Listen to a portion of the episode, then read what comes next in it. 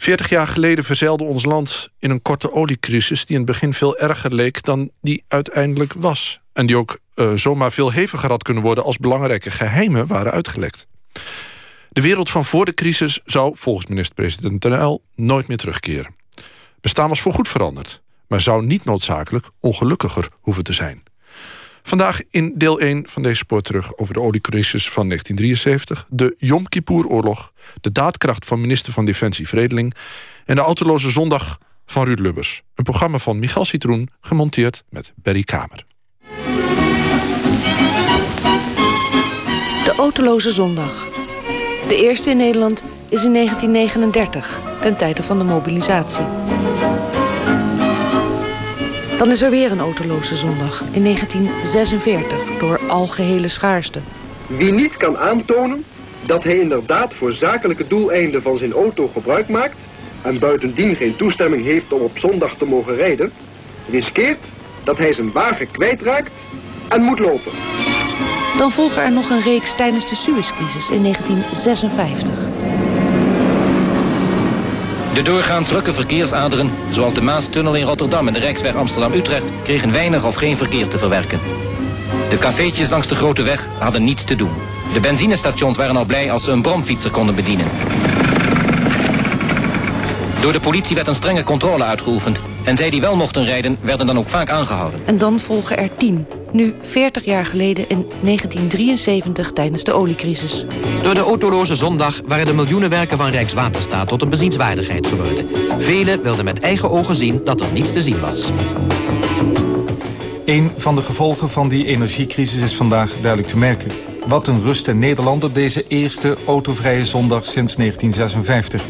Ja, hier is Groningen. Er zijn weinig auto's, maar veel mensen die zich alternatief verplaatsen... zou je kunnen zeggen met de fiets of met karren die door echte paarden worden getrokken.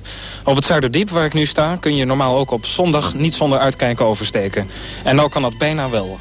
Deze vierbaansweg is vandaag het domein van rolschaatsende kinderen.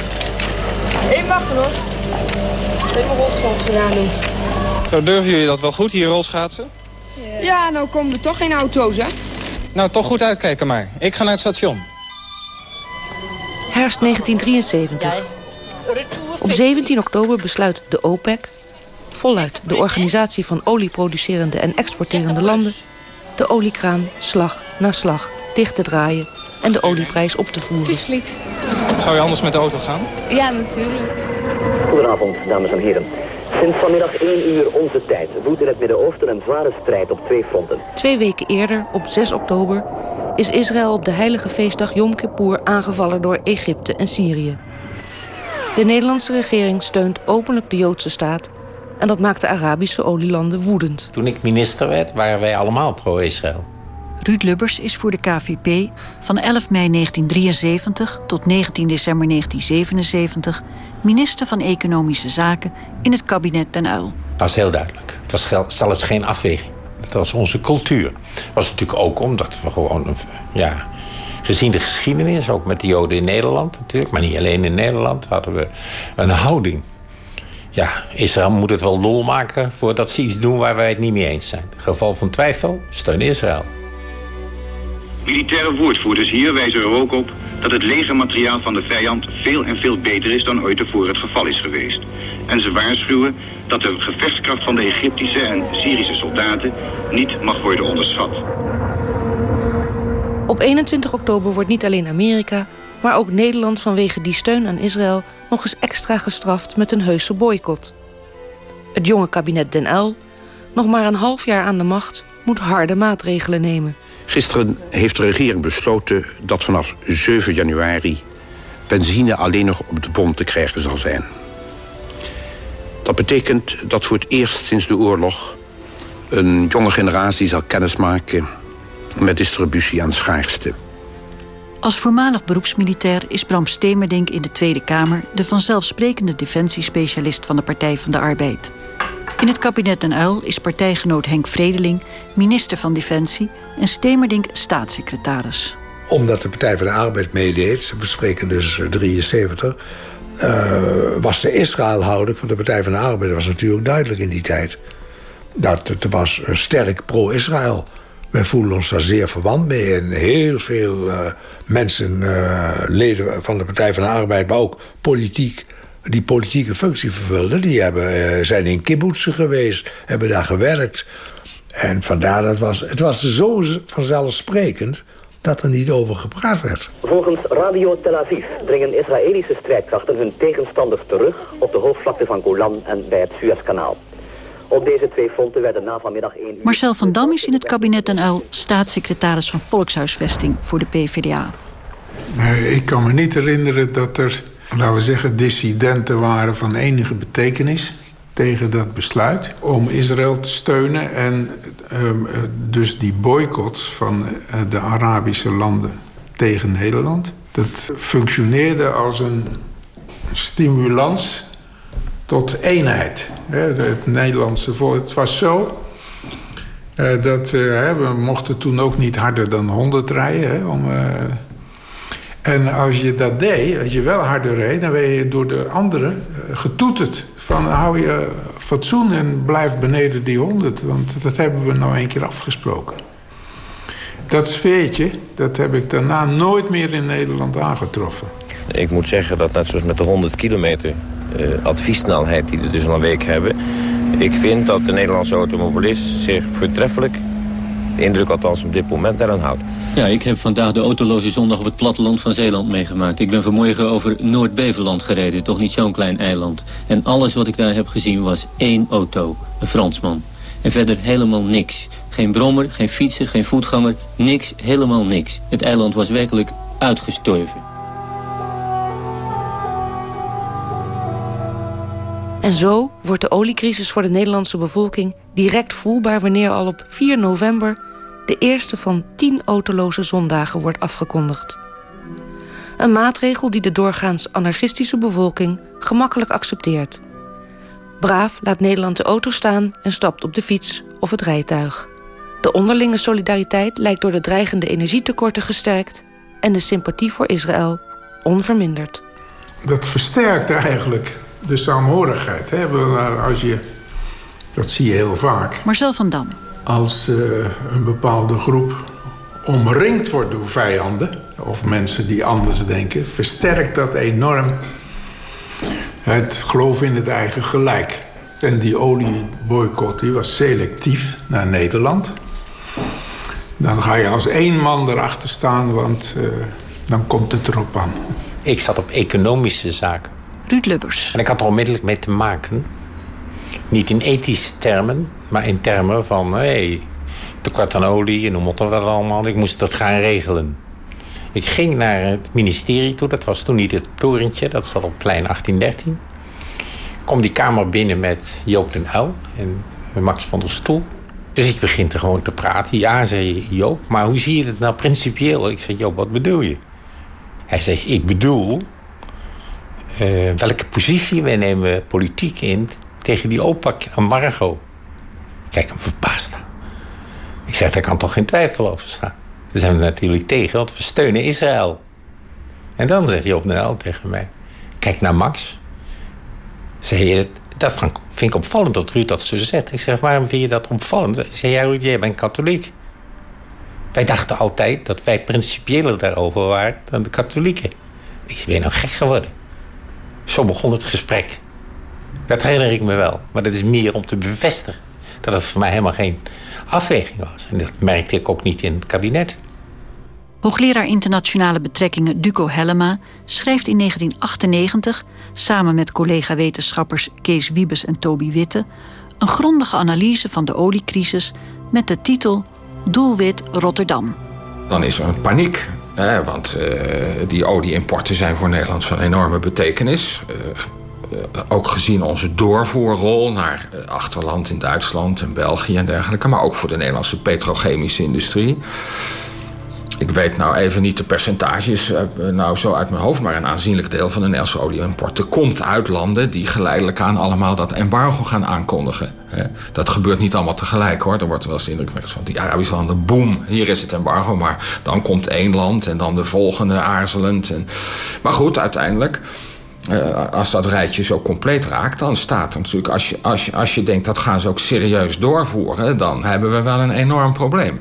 dan kan de Nederlandse olieimport met tientallen procenten gaan dalen. En dat zou natuurlijk een enorme impact hebben op eh, de Nederlandse economie en ook de Nederlandse handel en, en die vitale oliesector, het botlekgebied. Ja, dan staat er wel wat op het spel. Come gather around people wherever you roam. De Yom Kippur-oorlog beschouwen de wetenschappers niet als de echte oorzaak van de oliecrisis. Hooguit de aanleiding. De plannen voor een boycott, een prijsverhoging van de olie en een beperking van de olieproductie liggen volgens Duco helemaal al ver voor het uitbreken van de oorlog klaar. De Arabische landen willen in 1973 hun positie op de oliemarkt versterken met een aanval op de machtspositie van de haven van Rotterdam. En grijpen hun kans wanneer ze zien hoe verdeeld de westelijke wereld wordt na de Vietnamoorlog. Je ziet onmiddellijk dat zo'n embargo gaat natuurlijk problemen geven. Op allerlei punten op dat ministerie. Dus die actie, wat doen we? Begint meteen. En ja, waar ging het dan om? Een paar dingen. Eén, te verminderen eh, energiegebruik hier. Nou, u weet wat er gebeurt. Dus die oproep om, uh, ja, vond ik wel wat. Doe de gordijnen dicht. Ja, dat, dat, dat, is sowieso nuttig. Niet omdat er nou zoveel schilde, maar om een lijn te trekken in het land. Er is iets aan de hand. Ja, dat was er één. De tweede is dus de autoloze zondag. Meneer Lubbers, eh, we hebben nu de boycott van de Arabische landen al enige tijd. Hoe zijn de plannen van het kabinet op dit ogenblik daarover? Dat zo'n autoloze zondag zeker in zo'n schema uh, zou passen. Uh, u weet dat we dus ook hebben gehad over maximumsnelheden. Uh, die zaken worden onderling afgewogen. Maar dat willen we dan toch doen in het kader van een meer totale aanpak. Waarbij het waarschijnlijk uh, ook een heel belangrijke zaak zal zijn. Dat we mensen op zullen roepen met bepaalde voorlichting. Om bepaalde punten domweg zuiniger te zijn. We'll soon shake your windows and rattle your walls. For the times they are changing. En ook binnen Europa neemt Nederland duidelijk een eenzame pro-Israëlische stelling in. Het is een interessant moment in de geschiedenis van het proces van Europese integratie, omdat net eh, de Europese politieke samenwerking, die EPS-samenwerking, is ingesteld. Duco Hellema, hoogleraar geschiedenis van internationale betrekkingen. Dat is samenwerking, of althans consultatie, voorzichtig gezegd op het terrein van de buitenlandse politiek, tussen de ministers van Buitenlandse Zaken van de lidstaten. En deze kwestie is eigenlijk een van de eerste testcases hoe dat systeem gaat werken. En uh, de Franse en in mindere mate ook de Britse regering van uh, Edward Heath, de conservatieve regering, die willen eigenlijk een, toch dat die EPS gebruikt wordt om Europa wat meer in de Arabische richting te manoeuvreren en een beetje los van de Verenigde Staten te geraken, die nog steeds worden beschouwd als een belangrijke steunpilaar van Israël. Dus men wil een wat meer onafhankelijke politiek. En daar biedt deze crisis, lijkt daar wel een mogelijkheid toe te bieden. En het interessante van de Nederlandse rol is dat wij dat in eerste instantie min of meer blokkeren. In die Europese politieke samenwerking moet. Uh, dat is wat je noemt echt intergouvernementele samenwerking. Dus daar kunnen geen meerderheidsbeslissingen worden genomen. Dus eigenlijk elke verklaring die namens de EPS wordt uitgegeven, moet door alle worden ondertekend. En daar maken wij gebruik van om in eerste instantie een aantal ja, laten we zeggen, wat meer pro-Arabische uh, verklaringen of onderdelen van verklaringen tegen te houden.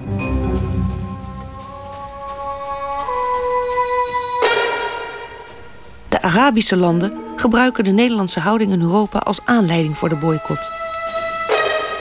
Ze wijzen erop dat minister van Defensie Vredeling al een dag na het uitbreken van de Yom Kippur-oorlog zich op een protestdemonstratie tegen de aanval laat fotograferen. Of ze weten wat Vredeling intussen nog meer uitspookt, is onwaarschijnlijk. Want dan was de reactie wellicht nog veel heftiger geweest.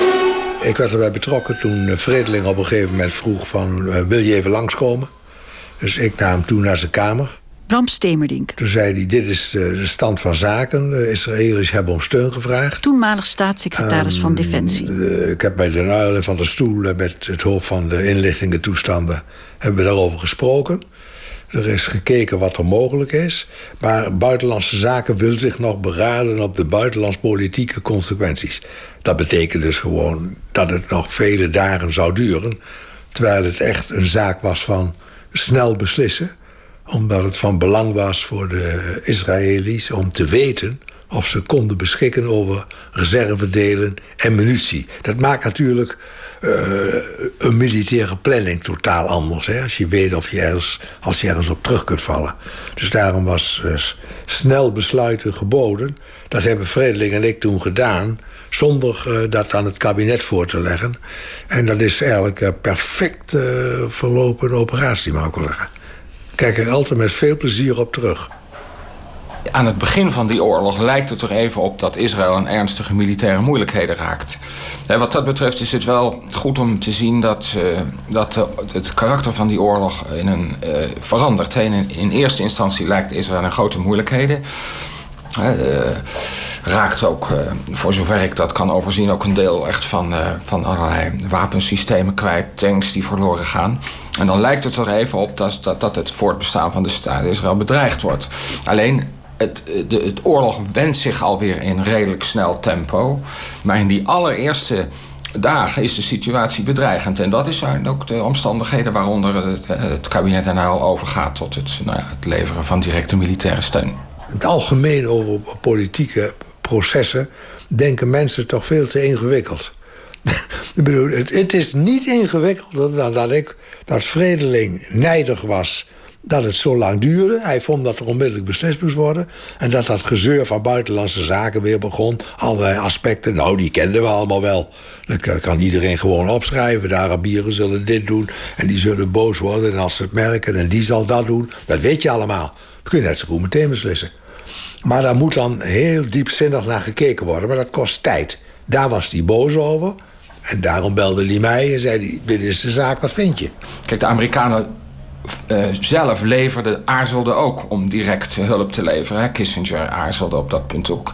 Uh, dus die Nederlandse wapens hebben toch wel een, een opvallende rol gespeeld in die vroege bange dagen. Toen tekorten ontstonden aan munitie en, en reserveonderdelen. En toen heeft Nederland toch op een beslissend moment, misschien niet een enorme hoeveelheid, maar toch wel een hele nuttige hoeveelheid reserveonderdelen en munitie geleverd. Dat misschien een zekere rol heeft gespeeld bij het herwinnen van het initiatief. Omdat uh, ja, Israëlische strijdkrachten konden dan nu wel. Nee, hoefde niet al te bang te zijn met het nou ja, verspillen van munitie. Die waren overigens al lang besteld in Engeland. En die stonden daar als het ware op de kaart om verscheept te worden. Maar Ted Heath, de toenmalige de conservative prime minister... die had beslist dat hij een even-handed policy wilde voeren. En onder even-handed verstond hij ook geen wapenleveranties aan strijdende partijen, dus ook geen al betaalde orders afleveren. En vandaar dat ze klem kwamen te zitten. Dat is een van de dingen die niet zo duidelijk zijn. De, het is uh, inderdaad zo dat de Israëlische ambassadeur verzoekt Nederland om steun in die bange eerste dagen. Maar het is naar alle waarschijnlijkheid zo dat er ook van de Amerikaanse kant wel suggesties worden gedaan om dat te doen. Uh, het, het, interessante van deze kwestie is dat de, de, de munitie en reserveonderdelen die aan Israël worden geleverd, aan weer aan Nederland zijn, zijn verkocht onder onder, onder, eh, binnen het kader van de Amerikaanse militaire hulp, de MDAP-hulp. En dat de Amerikanen volgens die bepaling ook eigenlijk toestemming moeten geven om dat soort uh, uh, munitie en reserveonderdelen naar een gebied buiten NAVO bijvoorbeeld over te brengen. Dus het is zeer waarschijnlijk dat er ook contacten zijn geweest met, met militaire functionarissen en dat de Amerikanen daarvoor dus langs die weg toestemming hebben gegeven. Vredeling wist het? Ik wist het, dat is twee. De secretaris-generaal wist het, dat is drie. En de generaal die het project leidde wist het. Maar bijvoorbeeld, de hoogste militair van de landmacht wist niet dat zijn loodsen werden leeggehaald waar de munitie in lag voor de tanks voor zijn parate onderdelen. Dat wist hij niet. Volgens Radio Tel Aviv dringen Israëlische strijdkrachten hun tegenstanders terug op de hoofdvlakte van Golan en bij het Suezkanaal. Op deze twee fronten werden na vanmiddag 1 uur de gevechten geleverd sinds de Zesdaagse Oorlog van 1907. Ik heb gewoon met een vertrouwde generaal die ik al vanuit de oppositietijd kende, heb ik dit uh, geregeld. En die kwam af en toe even langs om even te rapporteren hoe het ervoor stond. Dus moest ingeladen worden en wegwezen. Hebben we allemaal in het kader van oefeningen gedaan. Ik kende dat nog van de militaire academie. Grote oefeningen hadden we dan. En dan werd er uh, loodsen leeggemaakt. En transporten, logistieke transporten. Die moesten wij dan plannen. En ingewikkeld allemaal. Oefenen. En dan, uh, als de oefening afgelopen was, dan ging het handeltje weer terug en werd het weer opgebouwd in de loods. Nou, zo'n oefening hebben we nu ook uitgevoerd, maar alleen is het nu doorgevlogen naar Israël.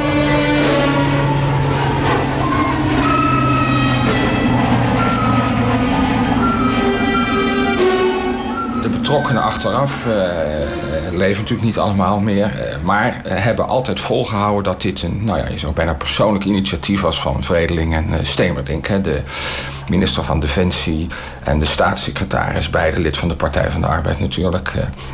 En uh, dat de anderen, met name minister van Buitenlandse Zaken van der Stoel en natuurlijk de premier hiervan niet op de hoogte waren. Nou, wij hebben in der tijd uh, daar uitgebreid onderzoek naar gedaan en ik geloof daar helemaal niets van dat ze dat niet wisten. Uh, ik heb in dat, een tijd terug wel eens gesproken daarover met de secretaris-generaal van Algemene Zaken, het ministerie van de minister-president. En toen vroegen we aan deze voormalige topambtenaar van de NAUW van wist Uilet? En toen zei hij, nou dat wil ik niet zeggen. En, uh, dat, uh, dat, dat, gaat te ver. Maar toen vroegen we nog een keer, denkt u dat het mogelijk is dat in Nederland hè, de complete voorraad tankgranaten voor ons standaardwapen van de Koninklijke Nachtmacht, de Centurion, allemaal reserveonderdelen, met grijs gespoten Boeings naar een oorlogsgebied worden getransporteerd. Denkt u dat dat kan zonder dat de premier daarvan op de hoogte wordt gesteld? En toen keek hij ons aan en zei hij, dat dacht ik niet. En dat lijkt mij ook wel voor de hand liggen, want dan zou er eigenlijk bijna een soort staatsgreep hebben plaatsgevonden. Nou, een staatsgreep is te veel, maar in ieder geval een hele bewuste poging om de minister-president, toch het, de regeringsleider, om die te misleiden en om die van hele cruciale gebeurtenissen niet op de hoogte te stellen. En dat is natuurlijk zeer onwaarschijnlijk dat dat inderdaad zo is gegaan. Het is vrijdag geworden, de zesde dag van de oorlog. De ochtendkranten in Nederland maken uitgebreid melding van de invasie van Israël in Syrië. Het Algemeen Dagblad maakt zich in een kapitale kop zorgen over de olieaanvoer uit de Arabische landen naar Nederland. De Telegraaf schrijft in een vijfkoloms artikel Israël strijdt om wereldsympathie. Maar op de binnenpagina het spook van de A-bom waart rond. Ik wist dat de, de Israëli's nucleaire wapens hadden. En ik, eh, ik, was goed op de hoogte van, van de ideeën over oorlogvoering van de Israëli's. En daarin uh, past in uiterste nood de inzet van nucleaire wapens. Ik weet niet in dit specifieke geval, maar je kunt ervan uitgaan dat bij elke oorlog in het Midden-Oosten dat altijd in militair opzicht de nucleaire inzet daarbij betrokken is in de planning.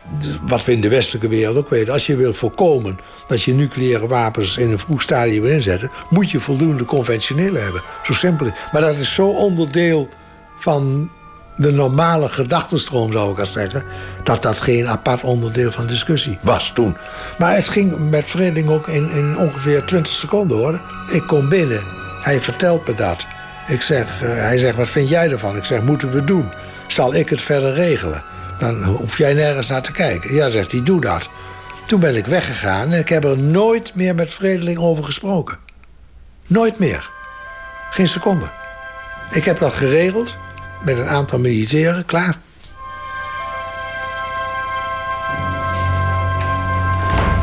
Marcel van Dam. Ik betwijfel zo, uh, dat die actie buiten de nagel om is geweest. Daar geloof ik niks van.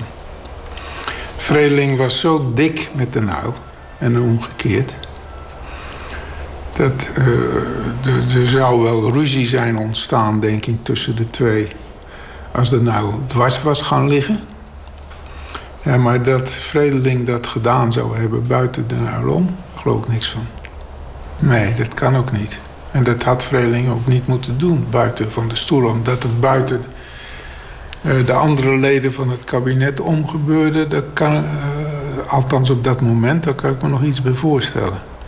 Maar dat had nooit buiten van de stoel om kunnen gaan. Mogen gaan. Dit is een besluit van, van de minister van Defensie en zijn staatssecretaris. En uh, is daardoor een kabinetsbesluit. Vrij simpel, toch? Tuurlijk deugt het niet. Natuurlijk had het in het kabinet besproken moeten worden. Natuurlijk had de premier op de hoogte gesteld moeten worden. Had allemaal gemoeten. Tuurlijk moet dat. Eigenlijk. Maar dat is interne werking.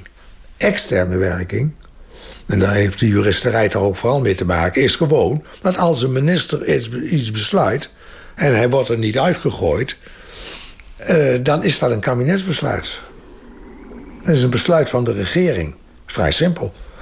En aangezien ze het niet wisten, kon ze vredelijk dus er niet uitgooien. Dus het is ook niet gebeurd. Ik heb altijd tegen, of altijd, ik heb toen tegen gezegd... mocht er iets aan de knik, eh, mocht het, eh, het lastig worden... zeg je gewoon dat de staatssecretaris dat gedaan heeft... zonder jouw voorkennis. En iedereen die mij kent en die weet eh, waar mijn, mijn, mijn kennis en weet ik wat ligt... die zou dat begrijpen. En dan, dan kun je mij offeren.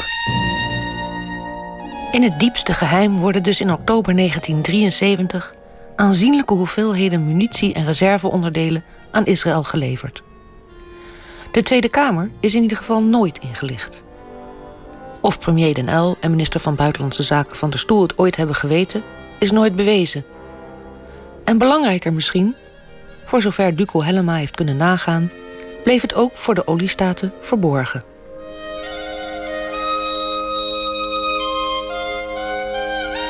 Wij hebben nooit uh, aanwijzing gevonden dat de Arabische diplomaten bijvoorbeeld heel expliciet verwijzen naar, uh, naar wapenleveranties. Het is vager. Er wordt soms gesproken ook over de rol van vrijwilligers. Er wordt gesproken over de rol van de KLM, die vrijwilligers zou hebben vervoerd en dat soort zaken. Dan komt er ook een boycott tegen de KLM in een reeks van Arabische landen. Maar dat verwijt, jullie hebben wapens geleverd. Hè? Dat en dat en dat. Dat is op dat moment uh, nooit zo heel uitdrukkelijk aan de orde gesteld. Pas in 1993 bekende toenmalig minister van Defensie Vredeling dat hij de wapenleveranties op eigen houtje heeft laten verzenden. De oud-verzetsman zei dat hij niet opnieuw wilde beleven dat de Joden werden uitgeroeid. Maar zelfs zonder dat het uitlekt, moet Nederland die winter boeten. En gedurende die herfstmaanden weet ook niemand nog dat het uiteindelijk wel mee zal vallen. In eerste instantie uh, denk ik dat het kabinet hoopt op uh, Europese steun en uh, op samenwerking om de ellende te delen. daar is toch de Europese integratie voor. Hè. Ze, uh, wordt geredeneerd. Uh, je ziet ook overigens daarbij een redelijk zakelijke aanpak. Want men gaat ook nadenken over maatregelen om de doorvoer hè, naar Duitsland en naar andere gebieden in onze omgeving om die te beperken. Maar dat is, je zou kunnen zeggen, de eerste paniek. En, en dan wordt er nagedacht over de, uh, ook uiteindelijk de invoering van distributie al in een vrij snel stadium. En wat zo grappig is, is dat eigenlijk al redelijk snel duidelijk wordt dat het misschien niet zo erg is als het eruit ziet. Doordat we met z'n allen tegen wil en dank een sportief spelletje benzinesparen hebben gespeeld, zijn er ook miljoenen minder besteed aan uitstapjes. Wie toch op reis ging, hield de spoorwegen van een stukje overcapaciteit af en ook de busdiensten beleefden een hoogtijdag. Het zachte herfstweer was een ideale gelegenheid om een minder lawaaiig soort paardenkrachten van stal te halen. Hier en daar stelde dat de verkeerspolitie voor weinig alledaagse problemen. En zo zijn we allemaal rustig en gezonder dan op een normale zondag doorgegaan met ademhalen, zonder ons eigenlijk veel zorgen te maken over veel ernstige gevolgen van het dreigende benzinetekort. Deze eerste keer was het nog een spelletje met de leegte. Briener-Oortbrug, een ongeluk met paarden en koetsen. De koetsier, wat is er precies gebeurd? Kijk eens, het ging zo. De wagen die kwam aanrijden en dan ging mij voorbij, want ik reed achter zijn. En daar hij was de leste wagen. En toen sprong dat paard een beetje met zijn poot omhoog. ik denk, hé, hey, daar gebeurt wat. En toen zag ik een ijzer vliegen. Ik denk, nou, dit slaat hij met zijn poot tegen zijn dijen aan. En toen ging meneer aan de haal. Goedemorgen. Prachtig paard. Is dat het alternatief voor de auto? Nee, nee, nee. Dat is zomaar voor de aardigheid. Voor de aardigheid? Ja, zomaar voor de aardigheid. Rijdt u elke zondag zo? Nee, nee, nee, nee. De distributie van olie wordt op touw gezet. De bevolking krijgt de opdracht te bezuinigen op energie. En de meest bekende maatregel wordt ingevoerd: niet rijden op zondag. En daarmee moet natuurlijk de ministerraad, toen voorgezeten door Joop den Uyl, instemmen. Ruud Lubbers herinnert zich dat Joop den Uyl hem apart neemt en zegt: Ruud, is dit nou echt nodig? De koningin vindt dat ouders en grootouders in het bijzonder hierdoor worden getroffen. Want juist op zondag willen zij kleinkinderen en kinderen bezoeken. En Ruud ik ben het met haar eens. Die anekdote dat voor de ministerraad eh, Den L, premier, dus mij apart nam. kon goed verder met hem, het algemeen. En hij vond het netjes om te zeggen... ik ga dus, eh, als jij dat voorstel doet... ik zal wel aanvaarden dat het doorgaat. Maar ik ga zeggen, dat is geen goed idee. En ik wil erbij zeggen dat dat bij mij komt, maar ook met, een leeftijdsgenoot van mij te doen. Die dat kon niet in Juliana, maar dat kon natuurlijk niet in die ministerraad gezegd worden. Dus hij wilde dat ik het wist. Maar hij zei het niet in de ministerraad. Maar je kunt in de notulen nalezen dat hij zich verklaarde tegen de autoloze zondag. Omdat deze twee oude mensen, zal ik maar zeggen, wat oudere mensen, zeiden: ja, dan pak je toch wel bijzonder. Ouders en grootouders. Vond ik heel sympathiek. Maar ze is toch doorgegaan, die autoloze zondag. Die gordijnen zijn ook doorgegaan. Houdt u aan die 100 kilometer maximum op de weg. Vrachtwagenchauffeurs, houdt u aan de 80 kilometer. Wees zuinig met elektriciteit. Zet de verwarming wat lager en eerder af. Ons land verkeert in een bijzondere positie. In de winter, als veel aardgas wordt gestookt... plegen de elektrische centrales olie te stoken. Dat willen we deze winter voorkomen. Maar om dat voorkomen... Ja, het was deel 1 van ons tweeluik over de oliecrisis van 40 jaar terug. Volgende week het vervolg met overtreders en slachtoffers van de autoloze zondag... de distributie van benzine, de oliemaatschappij in oplossing met onder meer vast majeur, vader Abraham en